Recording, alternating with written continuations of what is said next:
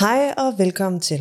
I podcast-episoden i dag, der skal vi snakke om den gode start, når man lige har fået en baby. Fordi der er så mange ting, som man kan være virkelig meget i tvivl om, når man er førstegangsforældre, og nogle gange også flergangsforældre. Fordi hvad er det lige, den der lille klump af guld, som man har fået med sig hjem fra hospitalet, egentlig skal kunne og kunne, og hvornår? Øhm, jeg har Ditte med i dag fra Q-klinik, og vi tager en god snak om, hvad er det, at i som forældre kan være særligt opmærksom på i de første måneder. Og i øvrigt også langt længere op i barnets liv.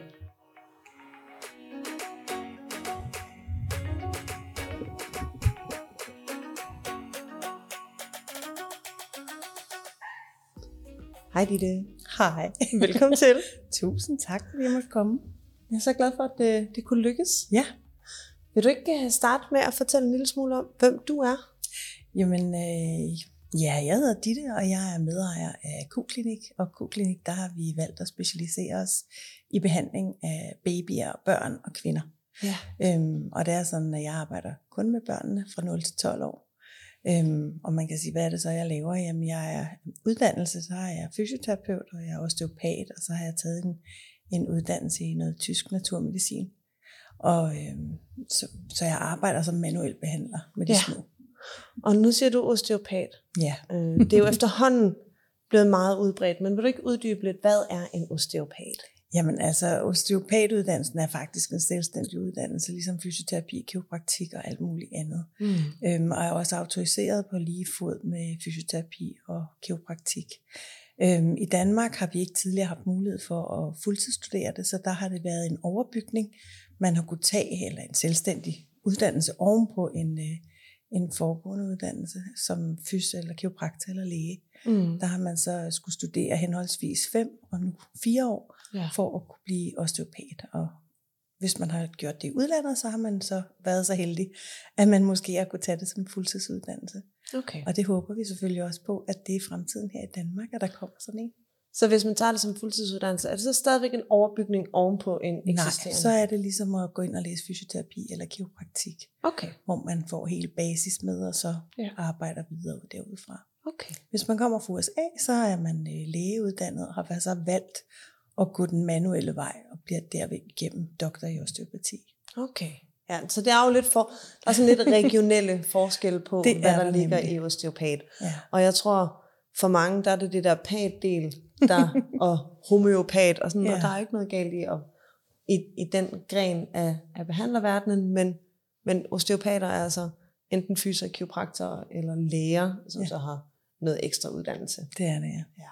Så det, der er jo rigtig mange års uddannelse bag en osteopatuddannelse. fald. Ja. I har specialiseret jer i øh, kvinder og børn, og hvad var det mere, du sagde? Babyer. Og babyer. Åh oh ja, de er helt små børn. Helt små. Helt Men det er fordi børn. mange gange, når vi siger, at vi er, vi er speciale i børn og kvinder, så siger folk, men arbejder jeg så også med babyer? Og så tænker vi sådan, gud, men det, i vores verden, der var babyer jo Børn. børn. Ja. Øhm, så derfor så har vi været nødt til at præcisere lidt mere, at øh, vi arbejder med babyer Ja. ja. og børn Og børn. og kvinder. Men der er jo i og for sig også stor forskel på, hvordan det er at have en baby i hænderne, og hvordan det er at have en, et lidt større barn i Helt hænderne. sikkert. Ja. Vi behøver ikke at komme en hel masse ind på de store forskelle, men jeg synes alligevel, det er ret væsentligt, når nu vi lige om lidt går i gang med at snakke om det her med at søge behandlinger, at vi lige snakker om, hvorfor er det, det giver mening at søge en behandler, som har specialiseret sig i at arbejde med børn. Jamen altså, det er jo fordi, at øh, jeg plejer kort at sige, man kan altid behandle en voksen som et barn, men man kan, man kan aldrig behandle et barn som en voksen. Ja. Fordi at barnet øh, for det første anatomisk er lidt anderledes end voksne. De kommer jo ud og er ikke fuldt forbenet. Mm. Så der er en masse forbindelsesprocesser, der skal ske. Der er en masse hjerneudvikling, der skal ske. Øh, hele vores nervesystem er i fuld flor, Ja. når vi bliver født og skal udvikle sig. Ja. Øh, muskulært, hele det her fasciesystem, altså det her bindevæv, der binder os sammen og formgiver os, Ja. er i udvikling og får mere og mere struktur og får mere og mere form Ja. efterhånden, som vi bruger det. Øhm, så, så man kan sige, det er en helt anden øh, anatomi, fysiologi, altså alt det her, vi tager for givet med, hvordan vi fordøjer og hvornår vi øh, kan fordøje forskellige ting og danne forskellige øh, enzymer og sådan noget. Det er også helt forskelligt hos et mm. spædbarn i forhold til en voksen. Ja. Øhm, og så er der en masse ting, sådan, hvis man kigger på sygdomslæger, som vi kender omkring voksne for vores basisuddannelse, som vi jo så også skal kunne for børn, for at kunne behandle rigtig sikkert og effektivt så skal vi kunne øh, meget hurtigt analysere om de her børn, øh, om der er et eller andet med dem, som ligger uden for det, vi kan, så de kan blive henvist det rette sted hen. Ja. Og også hele det her med, hvis vi har en voksen person, som kommer ind med en masse kompenseringer og alternative bevægestrategier, så er det måske, hvad det er. Øh, der er ligesom mange års, for det første, vaner, som man ville skulle ændre på, hvis man skulle ændre på et bevægemønster. Men der er også hele opbygningen af, hvordan at man har udviklet sig med de her dårlige vaner. Helt Kommer sikkert. der en baby ind med alternative bevægemønstre, jamen så er det de her bevægemønstre, der kommer til at lægge grobund Ja. for resten af barnets liv. Ja. Så derfor vil vi måske mere gå ind og, og pille ved og rette og forsøge at, at præge i en anden retning. Ja, det er i hvert fald vores teori, at jo tidligere vi sætter ind til at give en, ja, en optimal balance, jo bedre kan barnet udvikle sig, jo mere centreret barnets krop er, jo, jo mere symmetrisk vil de udvikle sig. Mm. Og hvorfor er det vigtigt at udvikle sig symmetrisk? Ja, altså det er det jo blandt andet for vores hjerne, ja. øhm, så, og netop for ikke at udvikle kompenserende strategier i forhold til, at vi er nødt til at overkompensere med den ene side frem for den anden. ja. Så hvad har to hjernehalvdele, og de styrer ligesom hver deres funktioner, og nogle gange overlapper de, og så samarbejder de en lille smule, men der er alligevel sådan en føleside, og en tænkeside, og en lo- logistisk side, og en kreativ side, og en side, der har et sprogcenter, og en Ja. side, der har noget andet, og der er det bare en kæmpe stor fordel, hvis begge hjernehalvdele, de sådan i hvert fald er, er på banen. Ja, helt sikkert. Øhm, og, og en af de måder, vi får hjernen på banen, jamen, Ja. det er ved at bruge den modsatte side af, af vores krop. Fordi de fleste af vores nervebaner krydser, så Mhm. alt det motoriske, vi laver med højre side, jamen, det styres af venstre hjernehalvdel. Ja. Øhm, Ja, og så siger de jo nu, at den nye forskning inden for hjerneudvikling viser, at der er langt mere overlap og meget mere flydende grænser, end vi regnede med før. ja. Og det gør jo, synes jeg, giver os jo endnu mere fokus på, hvor vigtigt det er, at vi så giver et øh, symmetrisk feedback tilbage til den hjerne. Lige præcis. Jeg læste en, øh, en artikel på et tidspunkt omkring, øh, hvor der var nogen, der havde været inde i en, en aktiv MR-scanning, mm. øhm, og hvor, der var blevet, hvor de var blevet bedt om at løfte deres højre arm, mens deres venstre arm var fixeret. Ja. Og det man så på hjernescanningen var, at begge centre i hjernen, altså både den, der styrede højre og venstre, lyste op. Ja. Væsentligt mere i den side naturligvis, som skulle reagere, Ja. men også i den modsatte side. Ja. Så når vi tænker, allerede det vi starter med at tænke på at lave en bevægelse, så vil begge centre lyse op. Ja.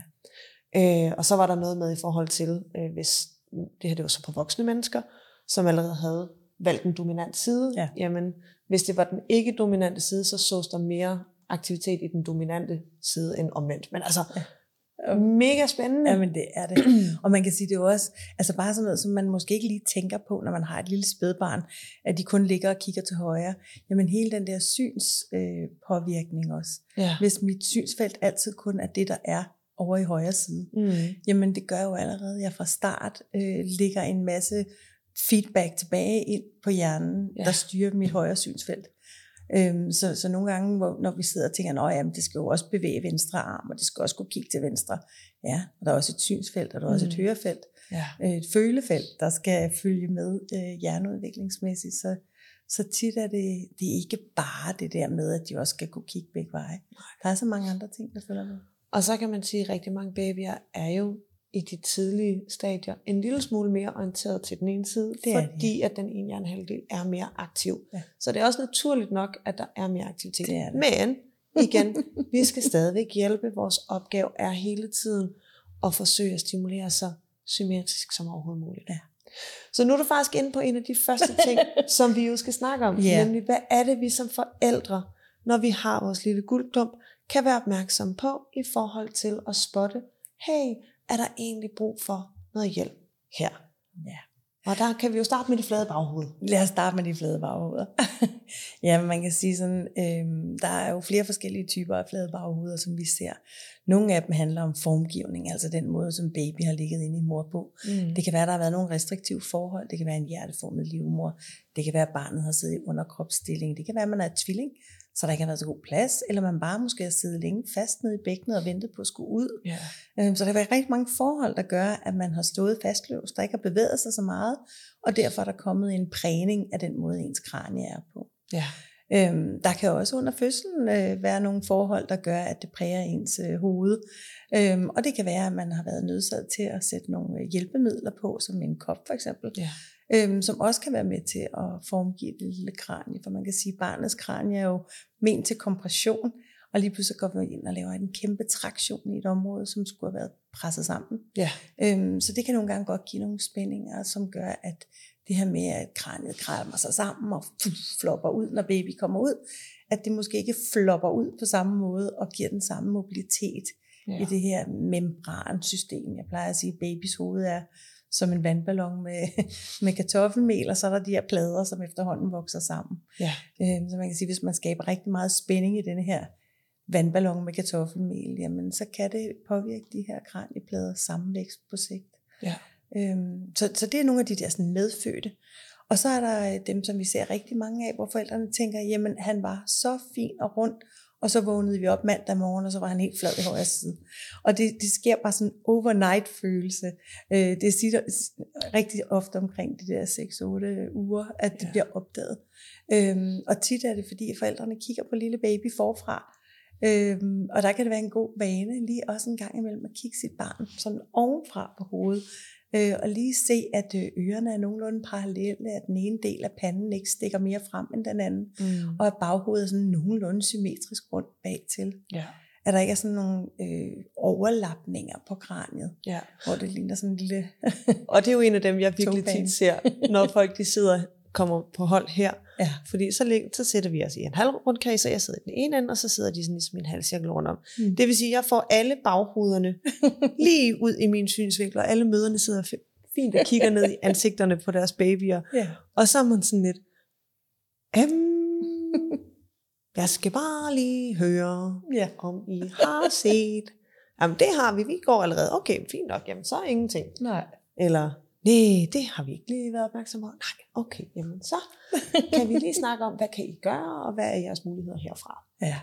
Og hvad er vores muligheder herfra? Jamen altså, det er jo at, at, for eksempel at komme ind og besøge os inde i Q-klinik. Ja. Øhm, fordi rigtig, rigtig tit så handler de her overnight øh, skævheder eller fladheder om, at barnet øh, kan være lidt begrænset i sine bevæge, øh, bevægemuligheder, og derfor vælger at gentage eller ligge på bestemte stillinger, gentage bestemte øh, bevægemønstre, eller mm. ligge på en bestemt måde, der påvirker. Så man kan sige, når vi kigger skæve baghoved, så sådan, der er kommet hen ad vejen, jamen, så er det tit fordi, at der har været et tryk udefra på den her vandballon, men det kan lige så godt være et træk fra muskler, Øhm, så, så rigtig tit siger folk, men jeg forstår ikke, hvorfor han har fået fladt baghoved, for han ligger på maven hele tiden. Han ligger mm. jo næsten ikke på det baghoved. Men, men det kan også komme med et muskeltræk, så det er ikke ja. kun fordi man ligger. Det kan simpelthen også være, fordi musklerne trækker for meget øh, i, I, den ene side, i den ene side ja. eller lige bagpå, eller hvor og det nu er. Og jeg plejer også rigtig tit at snakke med, med mine forældre her om, at jamen, et eller andet sted, så et, et, et barn, som ligger på ryggen, som har fri mobilitet, mm. vil ikke få et fladt baghoved. Nej. Fordi det er immobiliteten, der skaber det flade baghoved, ikke at ligge på ryggen. Ja. Så kan vi ligge nok så meget på maven, ja. men hvis vi altid ligger på den samme måde, når vi så ligger på ryggen, så vil vi hele tiden lægge et pres det samme sted. Ja. Så vi skal hellere tænke fri mobilitet, end vi skal tænke mavetid, ja. når det er sådan, at vi skal af med de her ja, helt sikkert skæve kranier. Og det gør jo også nogle gange, at, øh, at vi hvad skal man sige, er færdige med behandlingen, før at, at kraniet er blevet helt symmetrisk. Og forældrene står og ser sådan lidt trist på os og siger, prøv at se det, du kan da godt se, øret er da ikke kommet helt med endnu. Mm. Og, og der er det jo rart at vide, jamen det her kranie har altså rigtig lang tid endnu til at formgive, yeah. men det starter med bevægelighed. Yeah. Så hvis jeg har opnået en fuld bevægelighed, og barnet ellers øh, har mulighed for at bevæge sig i de omgivelser, barnet er i, og ikke bliver sat for meget øh, passivt i stole og lignende, yeah. jamen så har de alle øh, muligheder for at, at udvikle det kranie, som det skal over tid. Lige præcis. Og så lige omkring de 6-8 uger, der sker der jo tit den her, at babyerne lander i deres egen krop. Mm. Så de bliver på en eller anden måde tungere. Øh, det føles så skørt at sige, men det føles, hvis man kigger på et barn før de her 6-8 uger, det, føles, det ligner, at de ligger oven på gulvet. Ja. Og så lige pludselig, så siger det, Bå! Ja. og så bliver de bare sådan en splattet baby, der bliver et med gulvet. Ja.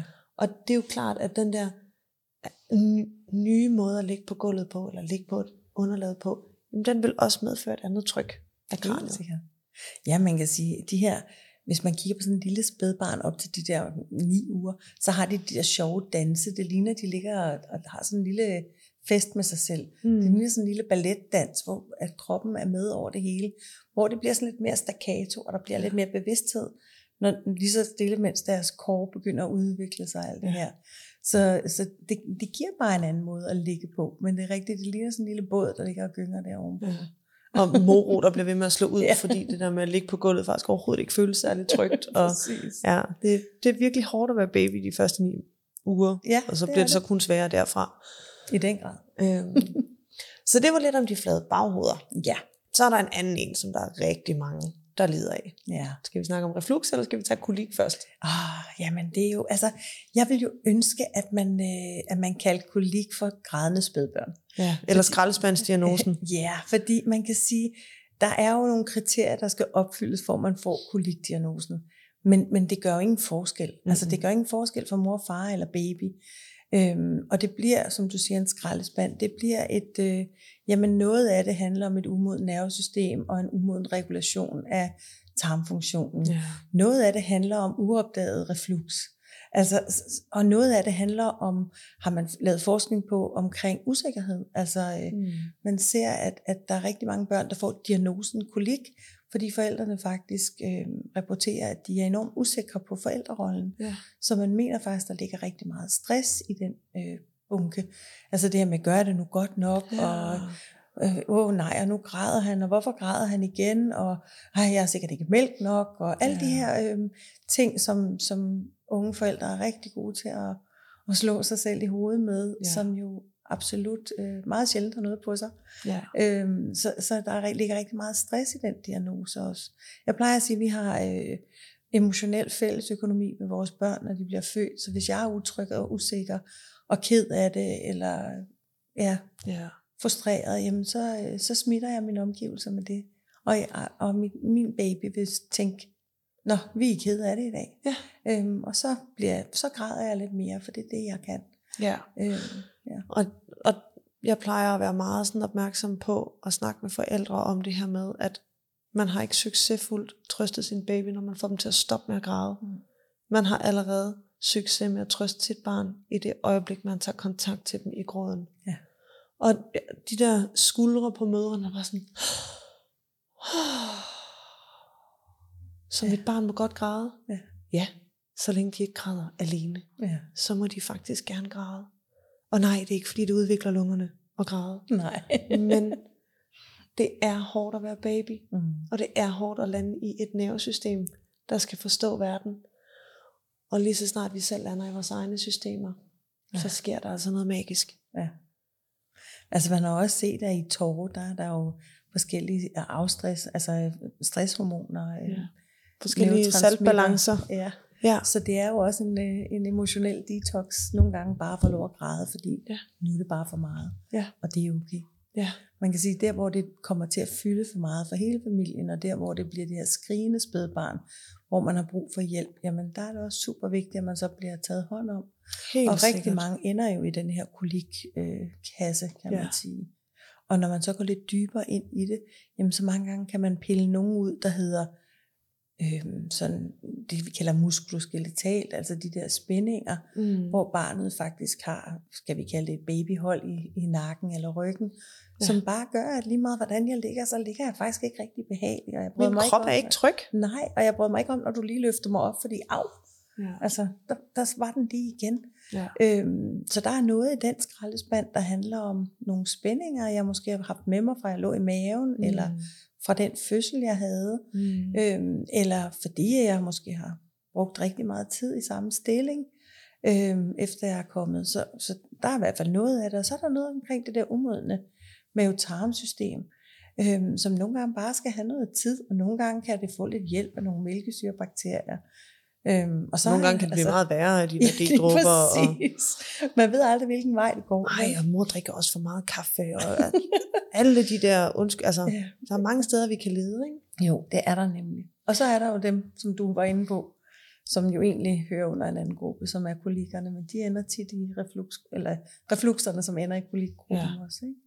Og det er jo også sådan en, der i høj grad er kommet til af, af mit indtryk, mm-hmm. at reflux får mere og mere, flere og flere ben at gå på. Altså ja. det bliver mere og mere anerkendt også ude i lægehusene, at hey, der, der er faktisk, ui, er der også noget, der hedder silent ja. reflux? Okay, alle de der, vi ikke kan se, ja. men hvor vi faktisk kan gøre noget. Ja, altså jeg vil sige, reflux er et af de områder, som der er blevet forsket mere og mere i inden for de senere år. Og, øhm, og jeg vil sige sådan, at altså nogle af de første ting, der var fremme øh, bare for nogle, ja, en del år tilbage, da vi havde refluxsymposier her i København, hvor en af de hollandske læger kom op og fortalte om, hvad de forskede i, og de nye internationale retningslinjer og sådan noget der tænkte vi alle sammen, nej, jamen, så er alle jo med på beatet. Ja. Men det har altså taget nogle år, inden at alle var med på beatet der. Uh, ja. Så man kan sige, at reflux er jo stadigvæk det, vi kalder sådan uh, multiårsag. Altså, man kan ikke bare sige, nå bum, du har reflux, og du skal have medicin. Ja. Uh, der er så mange, der er stadig mange overlappende teorier omkring, hvad reflux er. Men man kan sige, hvis man sådan deler dem groft op i, i kasser, og de kan jo sagtens overlappe hinanden, øhm, så refluxen der, jamen, det kan både være et barn, der gylper, og et barn, der ikke gylper. Så vi har, altså, som du siger, de silent refluxer, hvor man kan høre, det løber op og ned, og de synker og bliver enormt kede af det, når det står på. Og så har vi jo dem, hvor det kommer ud, og de bliver kede af det. Og så har vi dem, vi kalder happy spitted, som er helt normal øh, gylpebørn. Ja. Altså fordi at deres anatomi er, som den er, øh, så har de mere tendens til, at, øh, at maden løber op og ud. Mm. Og så længe barnet ikke er utilpas og ked af det, og ikke udvikler sig på grund af det, eller ikke tager på, mm. eller tager for hurtigt på, for, fordi de trøster sig selv, ja. øh, jamen så er der jo ingen grund til at gøre noget ved det. Nej. Øh, men der, hvor barnet er utrøsteligt, og der, hvor forældrene er lige ved at hoppe ud over altanen, jamen der er der forskellige øh, ting, man i hvert fald kan gå ind og kigge på. Ja. Øhm, og man kan sige, i, i den kasse, jamen der er, er man blevet mere og mere opmærksom på øh, mælke, øh, komælsprotein. I USA øh, har man også æg mistænkt, eller mistænkt mm. for at være med, og så øh, sojaproteinet. Okay. Så, øhm, så, så man kan sige sådan en, en nem måde at kigge på det, det vil være at sige, jamen prøv at undlade og alle typer af mælkeprodukter, øh, æg og soja i tre uger, og så se, hvordan det går med ja. lille baby. Og der vil jeg sige, der plejer jeg at sige til forældrene, kald, kald øh, hvad, hvad hedder sådan noget, landsbyen ind og sige, ved I hvad, jeg skal igennem noget rigtig hårdt. Ja. I ved godt, øh, lille Gunnar har grædt her de sidste mange måneder, og nu skal vi prøve noget for at se, om vi kan give noget hjælp, og vi er slidt helt ned. Ja. Øhm, jeg skal bede jer om at komme med noget mælk, eller noget mad, og sætte det udenfor. Det må ikke indeholde mælk, æg, eller mælkeprodukter, æg mm. og soja.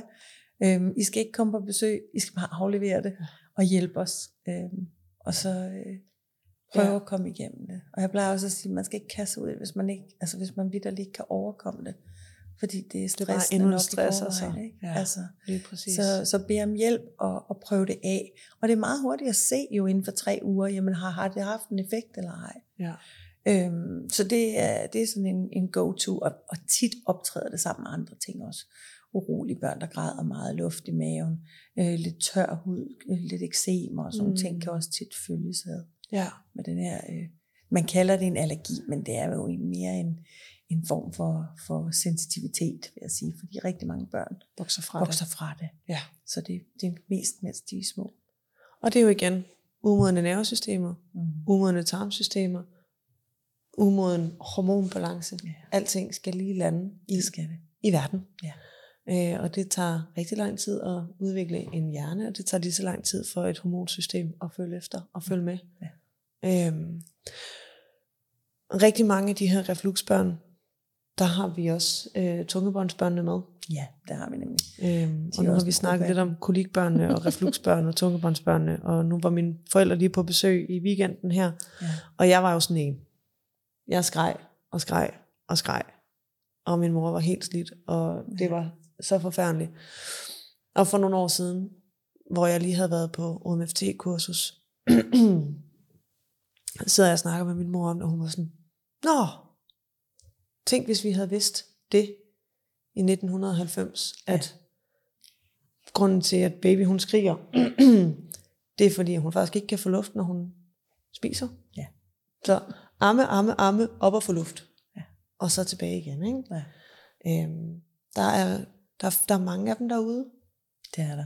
Øhm, Og det, man kan sige, altså hvis man, hvis man deler refluxen op i, i, i tre eller fire, men hvis man tager komælsproteinsdelen, altså det vi kan kalde mad, mad over, øh, madsensitiviteten væk, og så siger jeg, så er der den normale gylperi, og så er der, øh, så er der tungebåndet, øhm, og så er der den gruppe, hvor der bare er en ubalance, netop fordi, som du siger, nervesystem, hormonsystem, fordøjelse er under udvikling ja. øhm, hvor, hvor vi ikke kan finde årsagen nogle andre steder. Mm. Og så vil jeg jo våge at påstå, at jeg er så fræk, fordi det har jeg ikke noget øh, evidensbelæg for. Men jeg vil våge at påstå, at der også er nogle af de her børn, der gylper mere og er generet af det, fordi de har nogle spændinger. Ja. Det er i hvert fald min erfaring øh, klinisk, at når vi hjælper af med nogle af de her spændinger, så er der rigtig mange af børnene, der får det bedre. Ja, og det er jo fordi, vi kan jo også, altså igen, vi har et bindevæv, som også kan sætte sig i nogle spændinger, kan man sige. Ikke? Det kan ligesom stramme op og sige, Au, nej tak, det her det var ubehageligt. For eksempel en fødsel. Mm. Ikke sådan den mest rare oplevelse, hverken for mor eller for baby, at komme til verden på den her måde.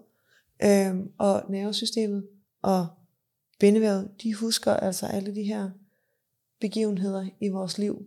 Øhm, så så man, man kan sagtens se, at der sidder et eller andet et sted, Ja. som virkelig har brug for noget hjælp. Helt sikkert. Så man kan sige, hvis, altså, ja, altså, hvis man, altså en ting er den der måde, baby reagerer på ved at være meget grædende, ikke sove særlig godt, alle de her øh, ting, der kan pege både i, i reflux-skraldespanden, eller øh, den er jo, der, er jo, der er ikke så stor skraldespand mere, som den har været, fordi man er begyndt at finde ud af mere af årsagerne. Mm. Men kolik er stadigvæk en, en samlet diagnose, ikke? Jo. Øhm, og så, jamen altså, alle de her skævheder, vi snakkede om. Men, men, men bare det der med at have ligget inde i den der mave, og så komme ud, altså det er vi jo ment til, og det er jeg med på. Men, men rigtig tit bliver denne her fødselsproces forseret af, af hjælpemidler, og, og det er jo en, en god ting, fordi vi får flere hele børn ud. Men, men det gør også, at fødslen måske ikke er så naturlig, Ja. og øh, så, så masserende en oplevelse, Ja. som måske var ment til. Ja. Så altså, man kan sige, når man får sådan en lille tut ud, jamen det der med at vide, at de første fire uger, der har de fleste af dem en præferenceside. Mm. Der kigger de lidt mere til den ene side end den anden. Men de skal kunne flytte hovedet frit, og man skal kunne dreje det, når de sover. ja. Det der med, at de skal bruge begge arme og ben lige lidt. Det ene side skal ikke hænge og dingle. Øhm, og det er også helt okay, at de ligger lidt i banan, hvis de ligger i banan ens til begge sider. ja. Men de skal ikke blive ved med at ligge i en banan. Og hvis hver gang du forsøger at rette bananen op, så, så går der tre sekunder, så har de fået wigglet sig ind i en, den, den samme banan en gang til. Ikke? Præcis. Eller hvis du med de, hvad skal vi sige, 6 til lidt ældre uger, hænger dem på hovedet omkring hofterne. Hvis du Ja. stadigvæk ser en banan, så skal vi også måske Skal vi overveje. til at have fat i dem? Ja, Ja. det vil være et godt sted at starte. Ja. Øhm, så nu har vi snakket en hel masse om de her, de tidlige, som vi ser, ikke? de her meget grædende babyer, dem som man tit oplever som forældre, allerede at møde fra starten af. Ja. Øhm, og jeg tænker, lige vi kan slutte af med at knytte en kommentar til det her med, øh, med mors nervesystem, det her med Mhm. fars nervesystem, det her med at, at lande i rollen som forældre omkring øh, at være blevet forældre øh, til et meget grædende barn. Ja. Ja. Hvordan, hvad skal man gøre som forældre, hvis man står der? Altså, jeg synes jo, noget af det fineste, man kan gøre, noget af det, som jeg oplever aller, allerflest har, har sværest ved, det er at bede om hjælp. Mm. Fordi der er rigtig mange, der, øh, der ser det som sådan en præstation, øh, at man skal lykkes. Ja. Og det gør bare, at, øh, at man ikke får øjnene op for, der sidder lige så mange rundt omkring, der har det ligesom en selv. ja. Øhm, og så ligger der måske sådan en forventning om, jamen man er gravid, og man ser bare knald godt ud, og svupti, så kommer baby ud, og den ser knald godt ud. Og altså, ja, og så forventer man lidt, jamen så sover den, og så spiser den, og så skifter man en blæ, og så kan man tage den med på café, og til babybiograf og ting og sager. Babysvømning og sansemotorik hos Alt mig. det og dejlige. Alle altså, de der ting, vi skal gå til. Ikke? Og hvis man ikke går til det, så har man helt sikkert også fejlet som forældre. Præcis.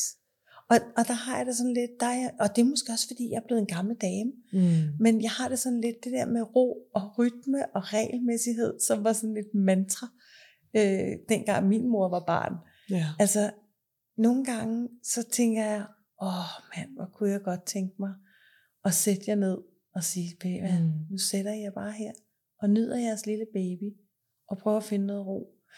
Så man kan sige, min det er bede om hjælp, det er at trække dit vejr selv Mm.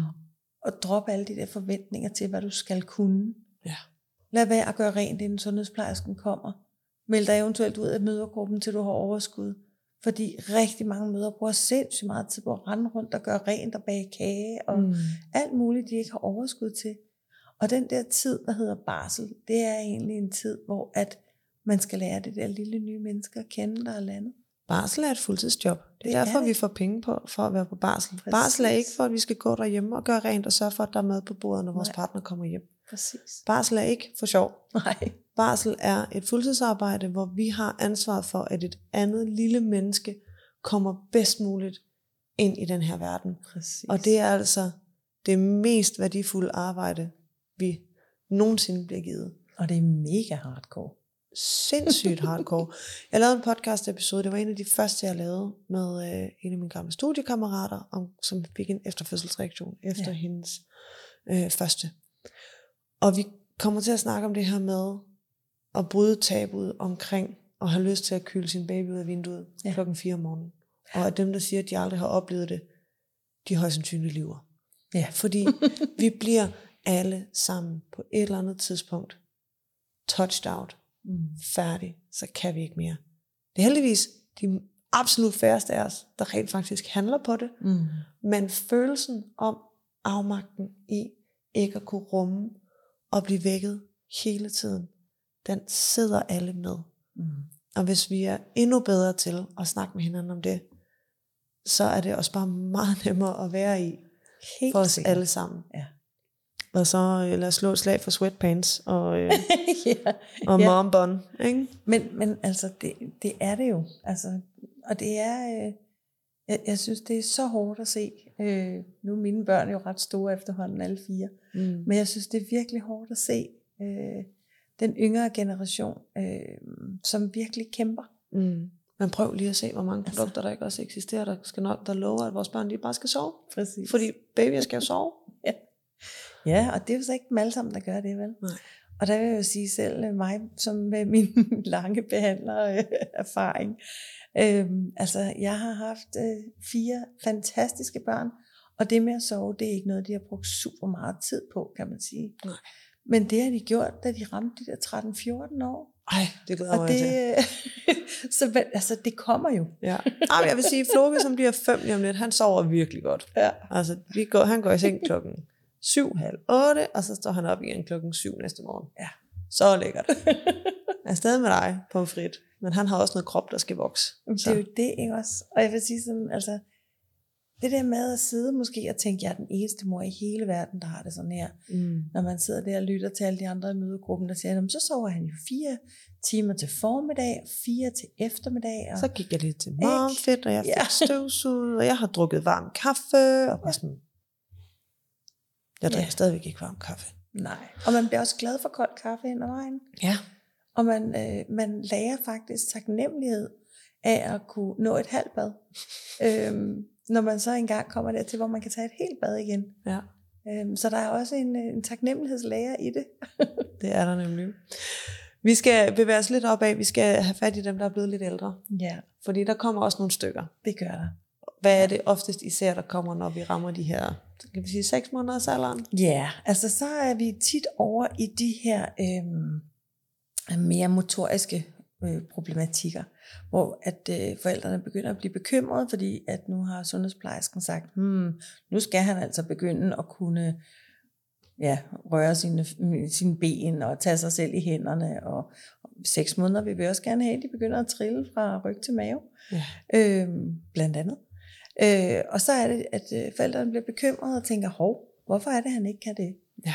Øhm, eller når de bliver lidt større, hvorfor kryber de kun med den ene side af kroppen, eller øh, hvorfor vil han ikke op og kravle, eller hvorfor kommer han ikke op og gå.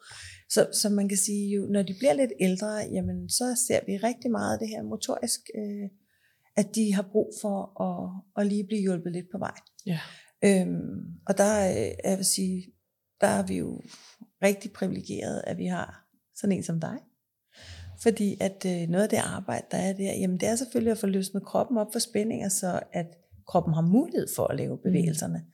Og så er det jo at få noget, noget input og noget hjem, altså noget med hjem, og noget træning og noget fokus ja. på, hvad kan jeg gøre i min dagligdag. Ja. Og vi giver altid sådan et, øh, hvad hedder sådan, førstehjælpsplaster øh, med nogle øvelser, men det der med at få altså virkelig fokus på, hvordan kan vi hjælpe barnet videre motorisk med træningen og sådan noget. Ja. Det er jo der, hvor vi er heldige, at du er lige der. Ja, og til dem, der ikke lige er i København, så er der jo også alle mulige andre det heldigvis. der. Men, men det er jo lige præcis et, sam, et samarbejde, lige sådan, at der kan komme nogen ind til mig, hvor jeg tænker, hmm, det var lidt besønderligt, at du er så glad for at pivotere til den her side, ja. men at vi ser absolut ingen aktivitet til den anden side. At, at så vil vi også, ja, så sender jeg dem måske jeres vej, og så kan de komme tilbage på hold hos mig, og så er det sådan nogle ting, vi arbejder med.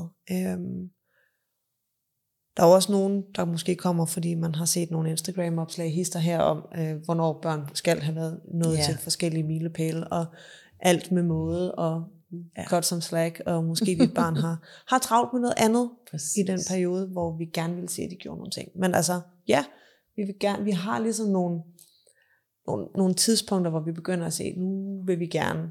Ja. Hvis, hvis lille Olaf stadigvæk ikke ruller som to måneder efter resten af mødergruppen er begyndt at Præcis. rulle, så er det måske meget fint sådan at tænke, hmm, ja. Men, Jamen, altså det der med, at, som du selv siger, også give dem lidt plads, men bare være opmærksom på, ja. eller der kommer også stadigvæk forældre ind, øh, hvor at barnet lider af fordøjelsesproblemer, der bare har fået at vide, man bare vent, bare vent. De vokser ind i det. Ja, og, og så gør de det bare ikke rigtigt, og så bliver ja. forældrene bekymrede. Så, Dem har jeg så, også nogle gange, altså, når de er to år. Ja, men bare fået Movicol. Ja, dem ser vi så også. Ja. Altså, så jeg vil sige, der, altså, det, der kan stadig godt være noget fordøjelsesmæssigt. Øhm, og nogle gange så er det også spiseproblematikkerne, der begynder at komme der, ja. øh, fordi de starter fast føde. Ja. Og så er de måske klaret sig fint igennem øh, med amningen, med alle mulige hjælpemidler øh, med en mundmotorik, der ikke fungerede, og så når de skal til selv at fordøje og, og for, forarbejde føde, så går det slet ikke. Nej, udtrættes hurtigt, ja. og har svært ved at holde sig oprejst i den der skide stol, de skal ja. sidde i. Og, ja. ja, ja så, så der er også nogle af dem stadigvæk. Øhm, og nogle af de børn, der ikke sover særlig godt, der kommer forældrene også ind og siger, jamen, tror det kan skyldes spændinger, ja. eller sender mig en mail og skriver, tror jeg, det kan skyldes spændinger. Og jeg plejer at sige, jeg kan jo gætte fra nu af til juleaften. Altså hvis jeg skal vurdere, om der er nogle spændinger, så er jeg nødt til at have lidt barn i hænderne. Ja. Øhm, og jeg synes også, det er mega uprofessionelt at sige, jamen jeg kan da godt se, at han er lidt skæv. Altså på et billede eller et eller andet. Altså jeg har brug for, jeg er manuelt behandler. Mm. Jeg har brug for at mærke, om at teste barnets evner til at bruge deres krop. Og hvordan de responderer så. på de inputs, vi giver Præcis. dem. Ja. Og der arbejder vi jo på mange måder ud fra den samme tese. Altså det her med ja. de observationer, vi gør os, de her tests, vi laver os, hvordan responderer barnet, fortæller os meget mere, end man nødvendigvis kan se på en video eller på et, et billede af ja. et, et barn, der ligger. Fordi det er øjebliksbilleder. Det er det. Og der er noget, altså der er rigtig meget med vinkler. Nu er min mand jo kameramand, og skal vi lige snakke om, hvad man kan med vinkler, ja. øhm, og hvad man ikke kan ja. se på visse vinkler. Øhm, jeg synes, det er... Øhm, jeg synes, det er rigtig vigtigt, at vi, at vi fanger de her børn, især i forhold til det posturale, mm. og, og, og det her med at komme op. Nu brugte jeg du også en posturale, altså vores oprejste stilling. Yeah. Dem, som har svært ved bare at holde sig selv i kravlet, og få dem stablet op og være gående, uden lige at komme forbi og finde ud af, hvad er det egentlig, der spiller ind hele vejen ned igennem barnets krop. Ja. Fordi det er vildt svært at balancere rundt oprejst, hvis man har en restriktion et eller andet sted. Det er det. Øhm, ja, den havde lige, den skulle lige ud. Ja, Jamen, det var godt. øhm, Men det er det. Og det, bærer, vi bærer, jo- det er jo med os, altså vi bygger ovenpå. ja, hele tiden. Så øh, Vi stakker. ja, Ikke? altså jeg vil da sige, jeg kan da tit stå i spejlet og tænke, ja, den kort, den er godt nok stadigvæk bøvlet for fat i. Ja. Men jeg fik også, øh, jeg kom op og gå som otte måneder med hjælp i hænderne. Ja. Ikke? Så, Jo. så var jeg der allerede. Upti, dingle dingle. Det er meget nemmere at holde sig selv Ja. på den her måde. Ja. Men der er der også nogle rigtig mange ting, der går op for mig nu, sådan i forhold til det der med at vælte på stolen, når jeg sad i skolen, og Ja.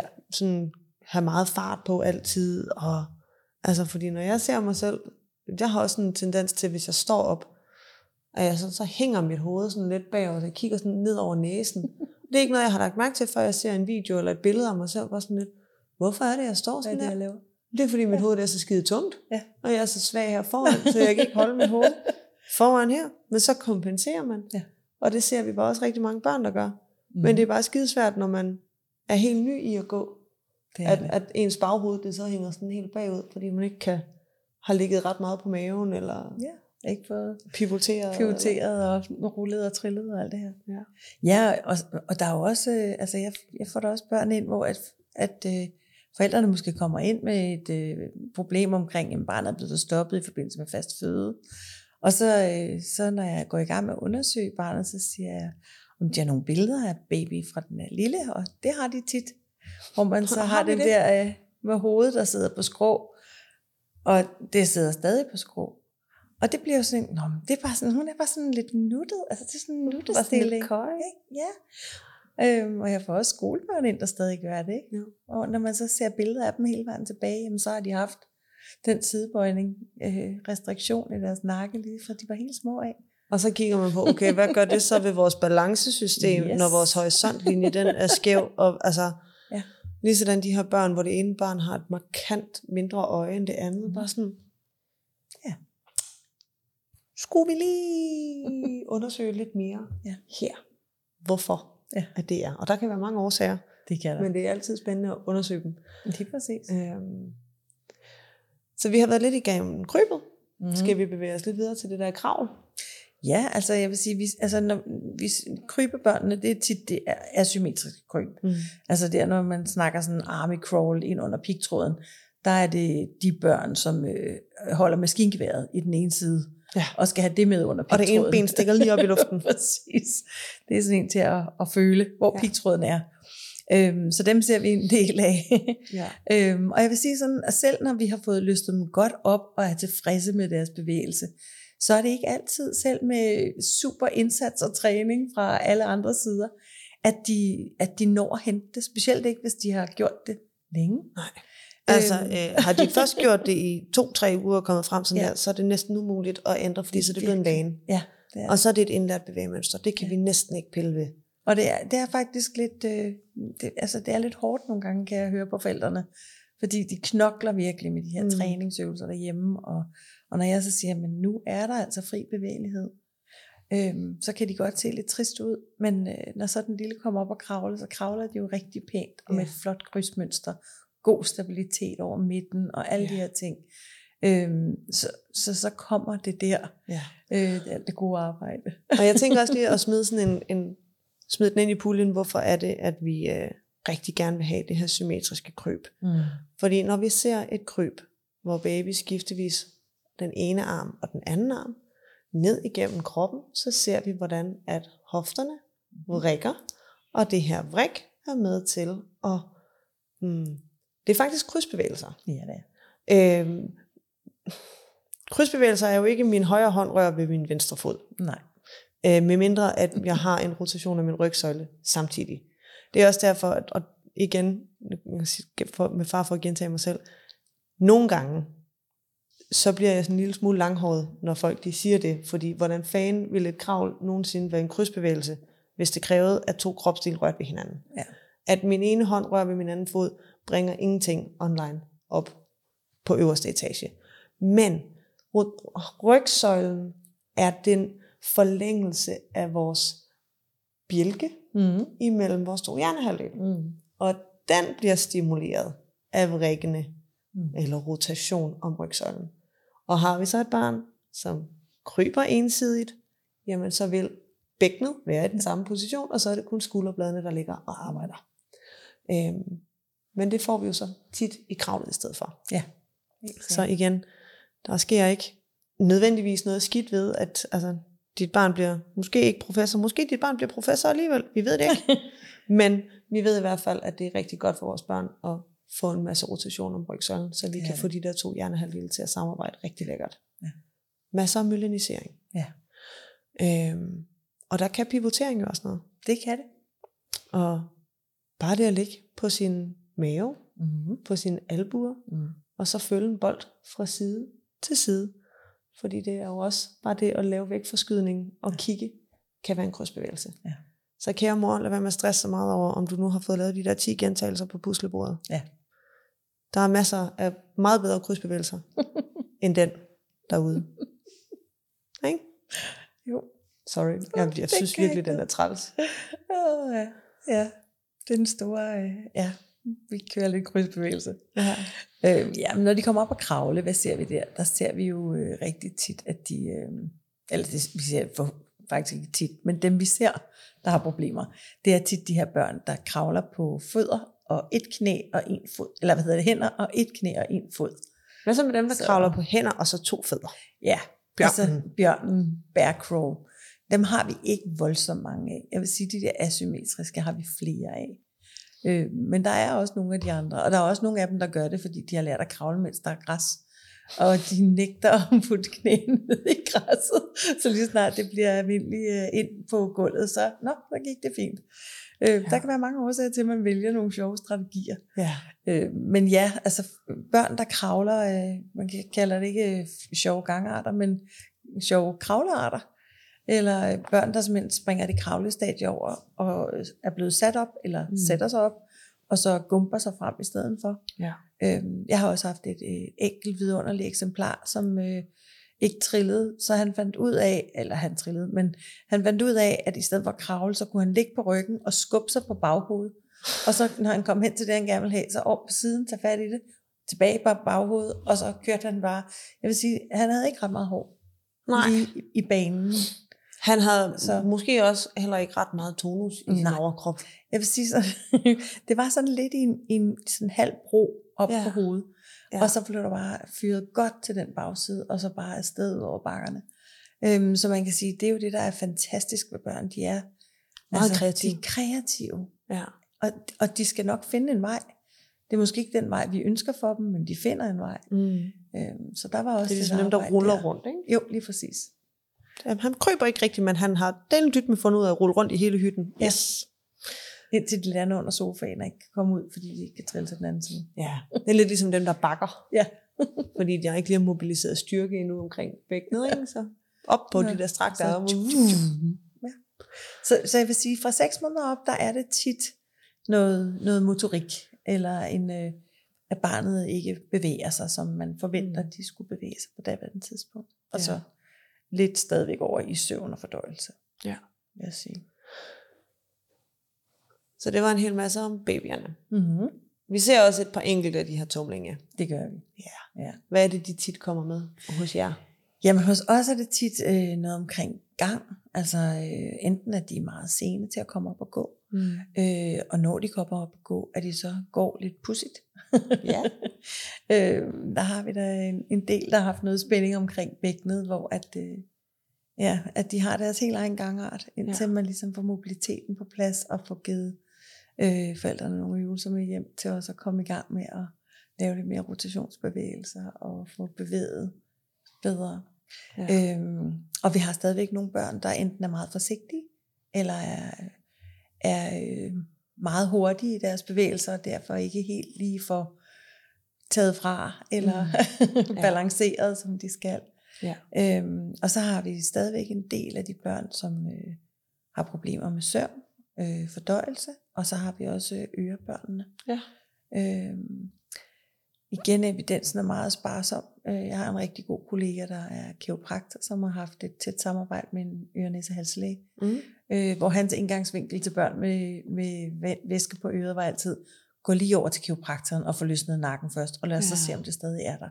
Fordi der er altså en rigtig stor sammenhæng imellem, øh, hvordan vores kranie og overgangen mellem kraniet og nakken og sådan noget påvirker ja. ørets evne til at drænere. Og nu er det sådan hos små børn, at den måde, det mellemøret er udformet på, den vinkel, det ligger i, øh, det gør bare, at der skal ikke så meget væske til, før det, det, det bliver der, mm. og ikke drænerer, som det skal. Ja. Og det er helt normalt.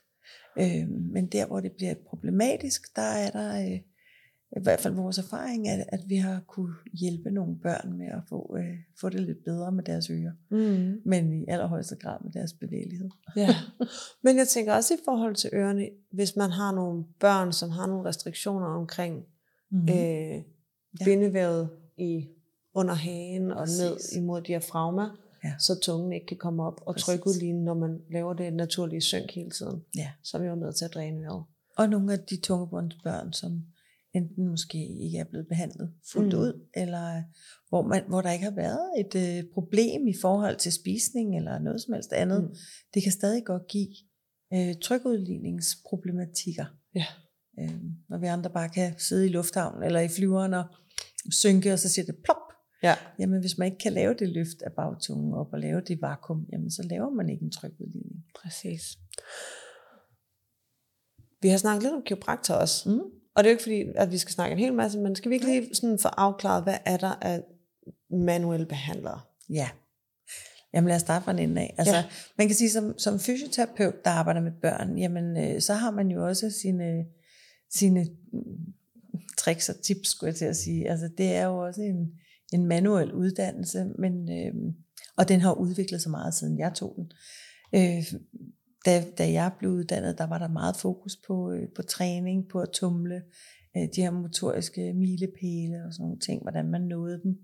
Øh, der var lidt mere fokus på at støtte barnet i de der processer, de skulle igennem, hvor at vi sådan mere tænker på at give barnet frihed til at, at nå dem nu. Øhm, og der vil jeg så sige, at øh, min oplevelse er, at, at der er vi stadigvæk rigtig godt øh, støttet af de fyser, der vælger at gå, øh, gå den motoriske vej øh, og tage ja. noget med børn. Så der har vi nogle rigtig gode samarbejdspartnere. Det samme med ergoterapeuter. Ja. Ja, tak. øhm, så man kan sige, altså når det kommer til netop det her med at sande integrere, med at mm. træne, mm. alle sådan nogle ting, der er, det, der er det en rigtig god gruppe. Og mange, både fyser og ergoer, tager jo også flere manuelle kurser, så de også kan gøre noget manuelt, ja. og ikke kun træningsmæssigt. Jeg har for eksempel så. et par moduler inden for kraniosakralen, for at kunne være mere skarp i mine palperinger, ja. og, og mit blik for, hvad, at, hvor kan det stramme fra. Præcis. Øhm, uden nødvendigvis, og altså jeg laver rigtig mange målmotoriske undersøgelser, ja. men, og, og som jeg, jeg plejer at sige, jeg kan lave... Øh, jeg, jeg kan behandle til husbehov. Ja. Så hvis der lige er et eller andet... det er ligesom, net, vi giver træning til husbehov. Ja. ja. Og ellers så sender jeg videre ud til jer. øhm, så det var der også, kraniosakralerne. Ja. Der er kraniosakralerne, og man kan sige, øhm, kraniosakralterapi er jo, øh, altså der er super mange grene inden for kraniosakralterapi. Øhm, i, I osteopatiuddannelsen ligger der jo en kraniosakral uddannelse, som er det, jeg kalder meget strukturel. Det vil sige, at man går meget ind på de forskellige strukturer og siger, at her er en samling af kranieblader, det vi kalder en sutur. Øh, den skal have noget bevægelighed. Så det, det er sådan meget øh, direkte. Og så er der øh, andre typer af osteopatisk kraniosakralterapi, hvor man arbejder mere med de her rytmer, der er i kroppen øh, øh, gennem væsker og sådan nogle ting.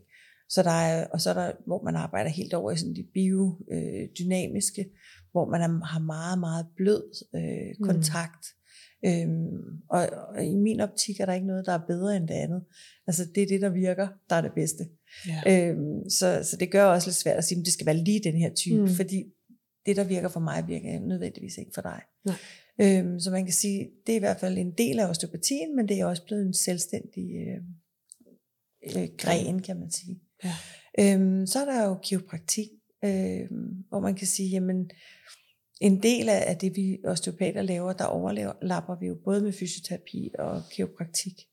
Øhm, hvor at øh, vores indgangsvinkel er, at vi både kan arbejde igennem det muskuloskeletære, altså med led og alle de her ting, øh, som, som kiropraktoren også gør, og så arbejder vi øh, med, at, med, med det viscerale system, forstået mm. på den måde, vi arbejder ikke med organer, vi arbejder med fascia, Ja. Øhm, og, og ved at arbejde med dem, de er også en del af det bindevæv, der omskider vores organer.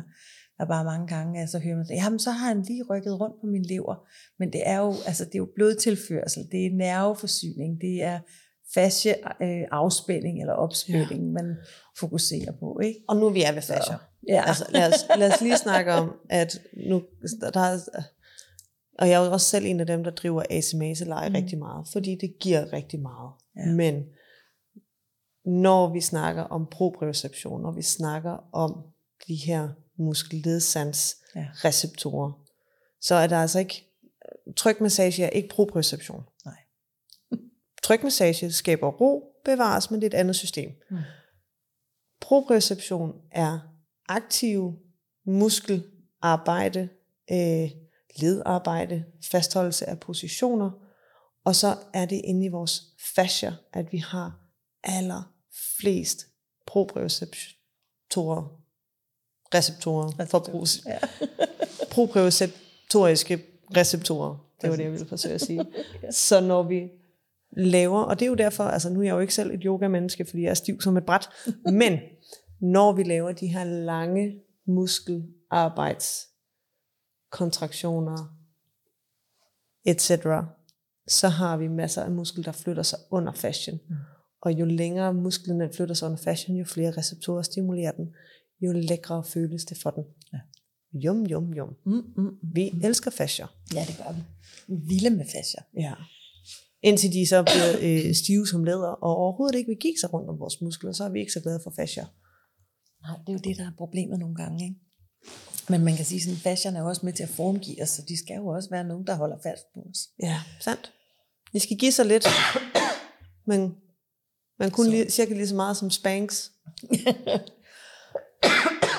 ja, det må man sige. Ja. Nå, nu gik det der helt... tag en, tår, tag en, lige en plante. Tag tag en tår vand. Det er også virkelig varmt her. Det er bare, når jeg snakker så meget. Ja, det er dejligt. Så går det. Du er kommet for at snakke, ikke for at danse. Det er jo det. Nej, ikke i dag. Ikke i dag. Så den væk. Så den der. Ah, det var bedre. Okay. Ja. Så der er mange forskellige typer af behandlere. Det er der. Øhm, man kan sige, når jeg taler med mine gode kolleger, der er kiropraktorer, så, så tænker jeg nogle gange, at vores altså vi overlapper rigtig meget, også alt efter, hvor vi er uddannet henne. Mm. Øhm, men, men, øh, men en af mine gode venner sagde, jamen, vi ser jo kroppen igennem nervesystemet. Altså vi ser kroppen igennem rygsøjlen og alt det nerveinnovation, der er til kroppen. Så hvis det er i balance og kører, jamen, så er alt det andet jo også i balance. Mm. Og den kan jeg godt følge langt hen ad vejen. Øhm, hvor man som osteopat vil sige, jamen vi ser den også igennem rygsøjlen, men vi ser det også igennem fasciesystemet til organer fordi der er så stort feedback fra organerne til mm. hjernen. Mm. Og vi ser det også igennem det kraniosakrale system. Mm. Så man kan sige, det er, det er bare forskellige øh, veje til at se kroppen. Så Kim Barthel, som mm-hmm. jeg er en af mine store mm-hmm. helte, øhm, hun kalder det spokes on a wheel, mm-hmm. eller egerne på en cykel. Yeah. At hvis vi inde i midten har barnet, mm-hmm. eller os selv, ja. og så hele vejen ud, der har vi alle de her eger, Ja. Der er der rigtig mange steder, hvor at en ege kan, altså hvor vi kan se, at der er nogle udfordringer, ja. som egentlig også har en påvirkning på hele vejen den anden vej rundt. Mm-hmm. Tilsvarende kan vi også gå ind og fikse steder, og så vil vi også se en påvirkning, en påvirkning hele vejen rundt. Ja. Så det er alt sammen et samspil, så vi kan ikke kun se det ind fra den ene side, vi kan ikke kun se det ind fra den anden side. Og det er jo det samme med ergo, vi siger også, at vi er holistiske. Jo jo, mm. men øh, vi ser ikke ret meget på de her, for eksempel, ting. Mm. Øhm, medmindre vi aktivt tager en beslutning om, at det er det, vi vil. Ja.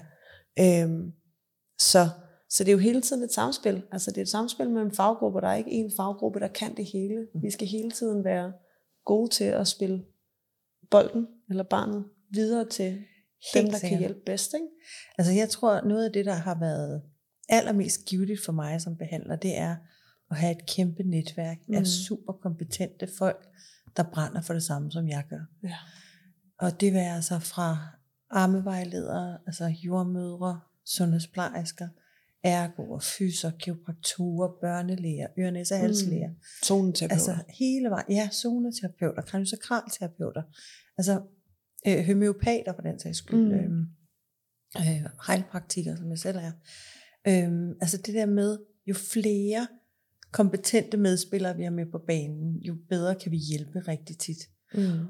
Og for mig har det også bare været øh, fascinerende at se, hvor stor forskel der er inden for min egen faggruppe, i hvert fald selvfølgelig, men, men også når jeg sender børn andre steder hen, at, øh, at, det, øh, ja, at det, det handler om at finde nogen, der faktisk har valgt at uddanne sig videre inden for de her felter. Mm. Øhm, Og som brænder for altså, det. Ja, fordi det, det er jo, og som forældrene også siger, det er en jungle derude, og det er det. Og alle altså, og Gud og hver mand kan være ekspert. Ja, det er bare at have en god profil. Ja. men, men altså, det betyder bare rigtig meget, Mm. og det betyder også meget, når man skal sende nogen videre, mm. når man sender ord med, at, øh, at den, der modtager den anden ende, ved, hvad det handler om. Ja. Øhm, og det er også noget af det, der kan gøre mig super ked af det, når forældre har haft en rigtig dårlig oplevelse, og man sådan ligesom er den sidste i køen, eller hvad man skal sige. Og sådan, ja, men nu har vi været her, og vi har været der, og man tænker sådan, nå ja, okay. Mm. Øhm, og, og man kan sige, jamen nogle gange så går man bare en lidt længere vej, før man når til noget, der virker. Ja. Øhm, men det første, man bør gøre, så selv den tjeneste, som du siger, når man kommer med sit allerdyrebareste, det er lige at tjekke, at det her menneske, man overlader dem i hænderne på, faktisk har valgt at bruge noget tid på at sætte sig ned og Mm. finde ud af, hvordan det er, op man behandler det her lille barn. Ikke? Ja. Og, og det er det mindste, man kan gøre. Er det, Altså, ja. Hvis jeg var så heldig at eje en Ferrari, så ville jeg ikke gå ned til min super søde mekaniker og sige, gider du ikke at køre service på den her? Han er dejlig, og jeg er så glad for ham, og han er mega dygtig. Men havde jeg en Ferrari, så ville jeg gå til en Ferrari-mekaniker. Ja. Ja, og så kan man sige, vil man, altså, det er bare altid relevant lige at tjekke folks CV. Og nu kan jeg jo så heldigvis se, fordi at Google Analytics afslører mange ting. Jeg kan jo ikke se, hvem det er, der går derind. Jeg kan bare se, at når folk kommer ind på min side, Mm-hmm. så går de ind under om mig. Og jeg bliver så glad, hver gang, at der er nogen, der har været inde og se om mig. Fordi det viser, at de her mennesker går op i at se, hvad er det for et CV, den behandler, de leder efter, har. Ja. Og ikke bare stoler blindt på, at mine fjollede opslag på Instagram gør mig til ekspert. Nej. Og jeg siger ikke, at jeg er ekspert. Jeg siger bare, at jeg har brugt rigtig meget tid på at uddanne mig. Ja. Og det gør mig rigtig glad, når man kan se, at andre folk, de sætter sig ned og leder efter en, som de mener har gjort noget for at uddanne sig Præcis. til at hjælpe deres børn. Ja. Og det er jo det, som Q-klinik-navnet kan. Ja, det er i hvert fald det, vi har arbejdet rigtig hårdt på, at, øh, at det skulle være Mm. øh, en, en sikker havn, hvor man kunne gå hen og sige, jamen der ved jeg i hvert fald, at de har gjort noget ud af at uddanne sig inden for børn og kvinder. Ja. Øhm, Og babyer. Og babyer, ikke mindst. Ikke mindst. Øhm, og så, altså, man kan sige, øhm, vi prøver jo stadig at få en, øh, en faggruppe op øh, af danske børneosteopater, Mm. som er in the making Ja. øh, hvor at det bliver en øh, meget øh, stille og Eksklusiv rolig. Nej, det håber jeg ikke. Men det bliver en meget stille og rolig hjemmeside, hvor man kan finde øh, navne og adresser på de osteopater rundt omkring i Danmark, som har valgt at videreuddanne sig inden for børneområdet. ja. Så det bliver nemt for forældre, men også for andre faggrupper at finde en osteopat, Ja. der har taget noget uddannelse og nogle kurser inden for det her område. Det lyder som en rigtig god idé. Så det er still a work in progress. Ja. Du må øh, give lyd, når, øh, når der er en hjemmeside, vi skal dele, sådan så folk kan gå derind. Så skal Det kan nok give til. Øh, Tusind tak, fordi du ville være med i dag. Tusind tak. Tak for snakken. Det har været en fornøjelse at have dig på besøg. Tak. Q-klinik. Det staves med Q som bogstavet. Mm. Og klinik. klinik.